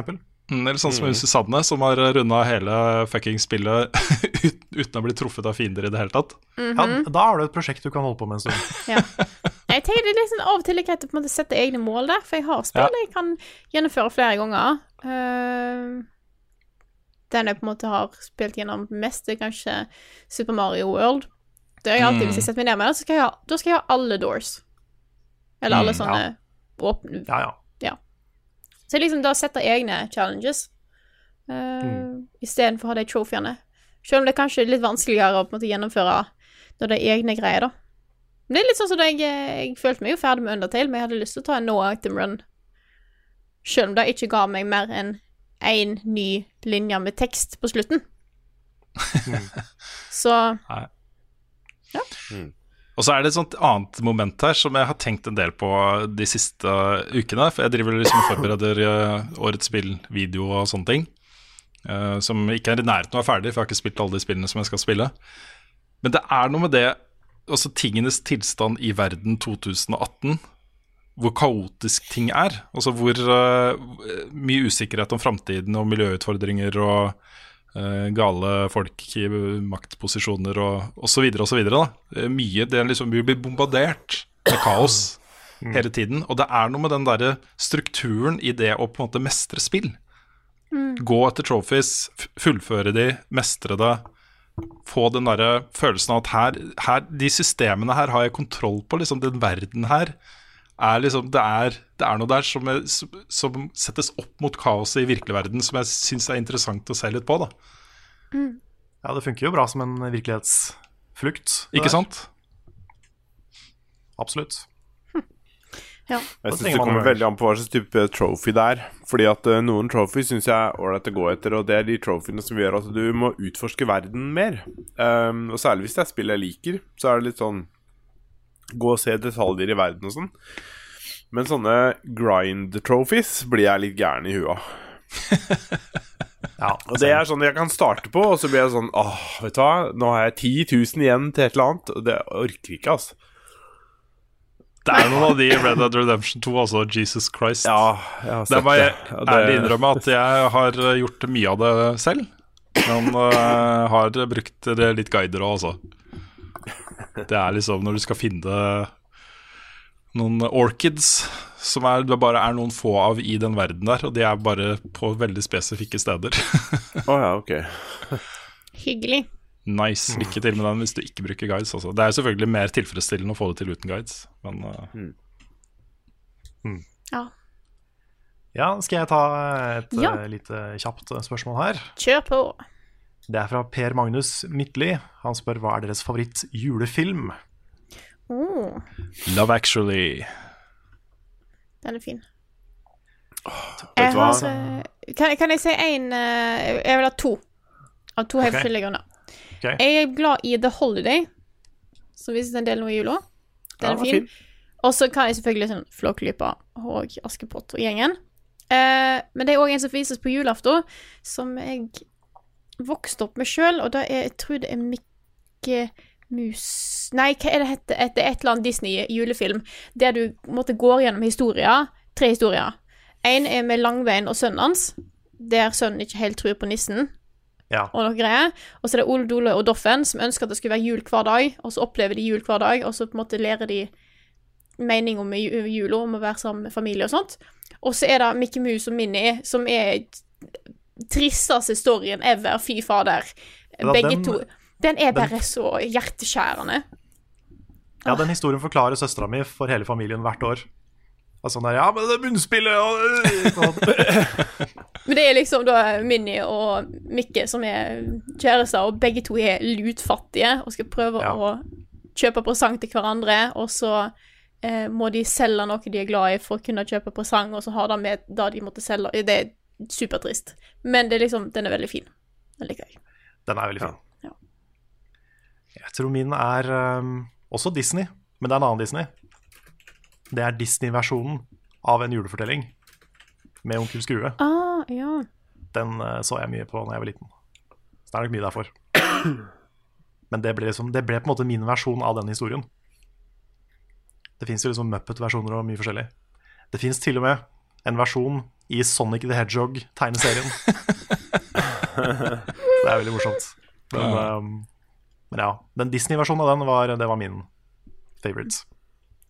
Jeg ser Mikke Mus og vennene hans feirer jul, heter han. Den som jeg snakker om. Ja. Den uh, viser jeg på hvert år. Det viser jeg på den også, eller hvert år. Det har sklidd, litt ut, da. Men det er Carl Bertil Jønssons julaften. Å, den. Svensk. Ja. Ja, den er egentlig ganske søt. ja, den er uh, helt nydelig. Det er han som med pakkene, er det ikke? Ja, han er sønn av eh, Altså faren hans driver et stort kjøpesenter. Dette er jo da på 1800- eller starten av 1900-tallet, jeg husker ikke helt. Jeg tror det var slutten av 1800-tallet. Eh, Eller kanskje det var seinere. De kjører jo biler og sånt. Jeg husker ikke når det var. Men eh, det var hvor det var fattigfolk og sånt. Da, så var det, ikke sant? Det er litt morsomt hvis du går på vår Ferrechers gravlund, eller store, gamle kirkegårder. Så står det liksom kjøpmann Hans Hansen, eh, grossist ja. altså, Tittelen, hva de gjorde, var veldig viktig. da Eh, Det var det de var. De var liksom han var, han, faren hans er jo da eier et kjøpesenter. Um, og de er rike. De bor i den rike delen av Stockholm og har masse penger og sånt. Og da Carl Bertil han blir da veldig opptatt av uh, de som ikke har noe penger, og som sliter med å feire jul. Så han tar da um, Tar da uh, jobb på postkontoret, og så ser han på adressatene, og så tar han de pakkene som er sendt til de rike, eh, og gir til de fattige. Som en sånn Robin Hood. Det er en veldig Ja. flott fortelling, altså. Ha. Har du en, eh, Lars? Ja, det blir jo ikke like vakkert, kanskje, som det Rune nettopp fortalte, men uh... Die Hard i New York. ja, yes. Nei, men altså um, Die Hard er jo faktisk også sånn julekos, men det jeg liksom alltid tar meg sjøl i å se på, er to ting, og det er jo begge Hjemme alene-filmene. Ja. Ja, ja, ja. Ja, ja, Og så er det National Lampoons Christmas Vacation. Den er herlig. Altså, den, den er så Ja, den er helt fantastisk. Ja. Chevy Så- Chase også, på, på sitt beste. Chevy Chase. Ja. Få som er morsommere. Den der mimikken hans. filmen. Han er jo så er bra i Community også. Det var litt kult, for det hadde vært stille rundt Chevy Chase i mange år. Eh, folk hadde så på han som avdanka og sånt, og så kommer han med denne kanonrollen sin i Community. Ja, riktig. sånn. Ja. Jeg er litt overraska han over har at ingen av oss har nevnt den der eh, Ja, det har jeg òg hørt. Ja. Jeg er litt overraska at ingen av oss har nevnt den der eh, From all of us to all of you na, na, na. For, Jo, den klassiske på julaften. Timmy Ja, Gresshoppes Mikke- eh, ja. jule- Det det er Disney-kavalkaden. Mm. Det er vel ikke en film, det er mer sånn korte Ja. glimt fra Ja. Ja, men det, ja. ja, det er ikke en film, for så vidt. Nei. Det Men heller ikke en film, da, men også noe liksom, som man må se i jula. Ja, ja. Altså, Det- hvis jeg skulle gått gjennom alt jeg er nødt til å se i løpet av jula, så hadde vi sittet der en stund, for jeg har ganske mange tradisjoner. Det er sant. Ja. 'Nissene på låven'. Det er uh, amazing. Ja, det er også ganske gøy. Kan jeg spørre dere, gutter? Er det safe å vise jule julekalenderen din, Lars, til ungene mine? Altså, det er Det er ytterst få ukvemsord i den julekalenderen. Um, og det hender vel at det er en øh, Faen, kanskje? Ja, de Eh, tåler det. Det tror jeg er liksom det verste. De tåler det. Ehm, og så er det selvfølgelig mye innuendo-humor fra tid til annen. Ok, men Ja, det, det det går sikkert over hodet det- deres. Nok. Og det Ja, det tror jeg går over hodet på en del. Og så eh, Ja. Jeg har begynt å vise det til liksom min nevø, og jeg har ikke helt Jeg vet ikke hvor mye han har fortalt hjemme at han har sett det. Han er jo fem, blir seks Nei, han har blitt seks, unnskyld. Så um, Ja. Ja, for jeg tenkte det da Jeg skulle prøve nå i år At vi gjør det til en litt sånn jule, julestund uh, Adventstid uh, her hos oss Ser vi julekalenderen Mm. Var jeg med i den også episode eller to? Var jeg da? Husker ikke eh, det var vel ikke den Jeg husker Nei. du var gjest i et eller annet, men jeg tror ikke det var den. Nei, det var ikke Eh, den Du er med, nei. Karl, du er fortellerstemmen, er du det? Ja, jeg er fortelleren, ja. Ja. Jeg, har ikke sett, uh, jeg har ikke sett noe av det selv Så jeg gleder meg Det var et prosjekt, ass. Det er, sånn, det er det eneste jeg ikke har sletta på kanalen min. Det eneste jeg ikke har slettet. Har du slettet alt på kanalen din? Ja. Wow Jeg har det. Ja, ja Fått mye klager om det, men eh, sånn er livet. Det er rart å ha YouTube-kanal, i hvert fall når man har hatt det i mange år. Ja, og så er det sånn, nå forbinder jeg meg ikke så mye med den, jeg gjør ikke så mye med den lenger. eh, Og da er det sånn, det er så rart å bare ha den der. Ja, Ja. Så Det er sånn, det går tilbake og se på ting du la ut i 2012, liksom. Eller 2010, til og med. Mm. Det er liksom ikke deg lenger. Nei, Så det er sant. veldig rart å se det. Dette her var vel den første gangen jeg faktisk møtte Carl. Når vi Ja. lagde, spilte inn den, var det ikke det? Nei, det var, første var veldedighetsstreamen din. Ja, men første gang vi fysisk møttes. Jo, det var det kanskje. Jeg tror det. Ja, da kom jeg Fordi til det var veldig sånn, vi hadde sånn Det starter jo med at liksom, de viser alle oss i live, og da er det sånn Begynner, begynner Carl fortelle det var dagen før julaften, eller før 1. desember, og det var en fin dag, for det var akkurat da Level Up skulle starte igjen. Så vi bare sånn Carl, Ja, det. handler ikke om det nå. Det er sånn Ja. Nei, den er um, Det har vært kult å lage noe lignende igjen, men det er så, det er så mye prosjekt. Ja, det, det har nesten drepte deg, tror jeg, altså, den uh, Ja. Du der. ser jo sjøl hvor mye det tar å lage Noscope. ja. Altså, Ja, det, det var- det er jo liveinnspilling, da. Mm. Her måtte vi bygge alle kulisser og sånn i Minecraft. Takk Gud for all hjelp jeg fikk. Jeg håper at det kommer noen sånne nye julekalenderting fra NRK eh, eller TV 2 eller noe sånt også, da. Men uh, hvis ikke de gjør det, så blir det også et gjensyn med Snøfall. Ja, den er fin. Ah, den er helt nydelig. Jeg tar gjerne en ny sesong med Blodfjell, altså. Ja, det kommer jo å vises i år igjen, den. Det gjør det? Ja, det skjønner jeg jo godt. det. Den er bra, da. Mm. Min favorittting med Snøfall, som ikke har, har med selve serien å gjøre, det er han eh, skuespilleren som spiller Vinter, altså skurken. Ja, Eh, Han, eh, i, mens den gikk for første gang, så hadde han jo barn i barnehagen. Så han, han var jo for å hente barna, og alle ungene ble jo livredde. for det kommer ja vinter, ikke sant? sykt. Ja. Oh. Oh, for det han er var så skummel i den eh, serien. Ja, ja, ja. Wow. Oh, nå ble det litt julestemning her, folkens. Ja, Ja, det ble det, altså. Ja. Skulle lagt inn noen sånne her julebjeller, eller hva det heter. Sånne Jeg får se om jeg gidder. Ho. Se om jeg gidder. Nei, jeg tror vi, runder av med den Reinsdyr som skriker. Fra Red Dead. Å, fy fader. Det er så fælt når ikke de har dødd ordentlig. Ja, når Ja, ja, ja. jula. ja der, der drepte vi jula. Ja, etterpå at vi liksom kom opp, og så gikk vi rett ned igjen. Herlig. Men fra og med neste podkast, for da er vi i desember, Ja, da er det ikke lov å snakke om å drepe reinsdyr og sånn lenger. Ok, okay. greit. Da er det bare julestemning. Men tilbake i januar ingenting. kan jeg snakke om dre å drepe ju- reinsdyr? Ja, da kan vi, da kan vi gjøre det igjen. Ja, OK, da er det greit. Etter julaften kan du gjøre det. Ja, OK.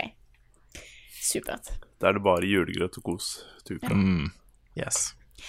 Og med det så tror jeg at eh, vi skal ta og takke våre fantastiske patrionbackere. Som, eh, som vi absolutt ikke kunne klart oss uten. Dere er de beste tusen folka.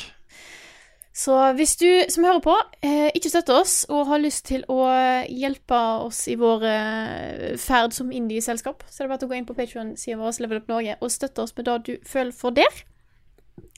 Eh, og så, ja, kan vi egentlig si takk til Lars, som er, er med i, gjest i dag, selv om du ikke er helt Eller du er vel kanskje i form med smertestillende, men ellers er det Ja da, så lenge jeg slipper å gjøre noe utagerende, så går det helt greit. Så, og det er veldig passe low-key å sitte her. Ja, Det er ja men det er bra. Det er bra. Håper Mm. du har mulighet til å være med eh, senere. Det er jo fint når du ikke, ikke jobber fordi du er sykemeldt. på en måte. Ja, det er fare for at jeg har tid til det, da, for å si det sånn. Ja, det er bra. Bra for oss. Dumt Ja. for deg. Vel. Det, ja, det var dine ord. um, Det, er- det, er jo kjipt, det er kjipt at du har brekt, brekt armen. Ja, er du gæren? sant? Det er jo dritkjipt, men det Skulle er jo helst dumt vært foruten. å- Ja, selvfølgelig, men det er jo hyggelig å være med her. Men jeg, når jeg fikk da liksom beskjed nå i dag at nei, nei, ikke seks til åtte uker. Vi snakker tre måneder til tolv måneder før dette her er, begynner å bli bra. Og da tenker jeg sånn Ja, takk for det. Det er så bra, vet du, for seks til åtte uker. Det er typisk en sånn ting som en, en uh, litt sånn lege som ikke vet helt hva han skal si, hadde sagt. Ikke sant? Alt tar seks til åtte uker. Ja, ja. Eller eventuelt åtte til tolv, da, hvis det er litt mer alvorlig. Men ikke Ja. mer enn det, liksom. Men da sier jeg bare gi de pendeløvelsene dine. Hvis ikke så blir de, de tekstene i tolv månedene De blir plutselig ett til fire år. Mm. Jeg skal pendle så mye at jeg Pendel som bare faen. Ja. Eh, yes. Det- Og så håper jeg jo at vi kommer til en, eh, en periode, en tid, der hvor du kan være gjest i podkasten uten at du må brekke noe. Hver gang jeg har gjest, er det sånn Nei, da er Lars sjuk igjen. Da, da Ja, er Lars har prøvd med oss. kne, og Lars har- Fy fader. Ja, vet du hva, det er sant. det er, Ja. liksom, skal du være med her, så må du pay the price. Sånn er, Ja, ikke sant? Sånn er det det er sånn hva kan vi, det, Dette er egentlig en sånn konspirasjonsteori. Hva er det Level Up gjør for å få meg med? Ja. Vi driver og legger bananskall i veien for det. Nei ja. Åh, vi spør veldig pent. Ja, vi gjør det. Nei, ja.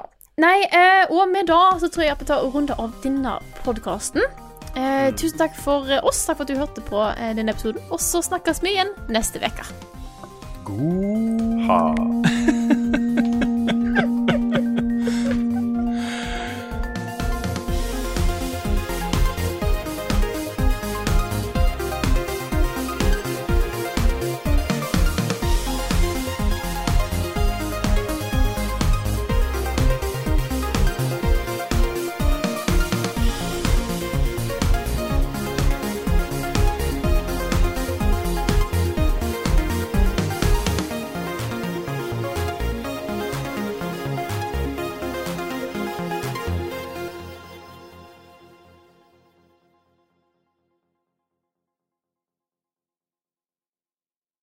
Har du et enkeltpersonforetak eller en liten bedrift?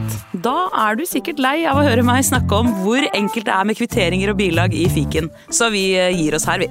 Fordi vi liker enkelt. Fiken superenkelt regnskap.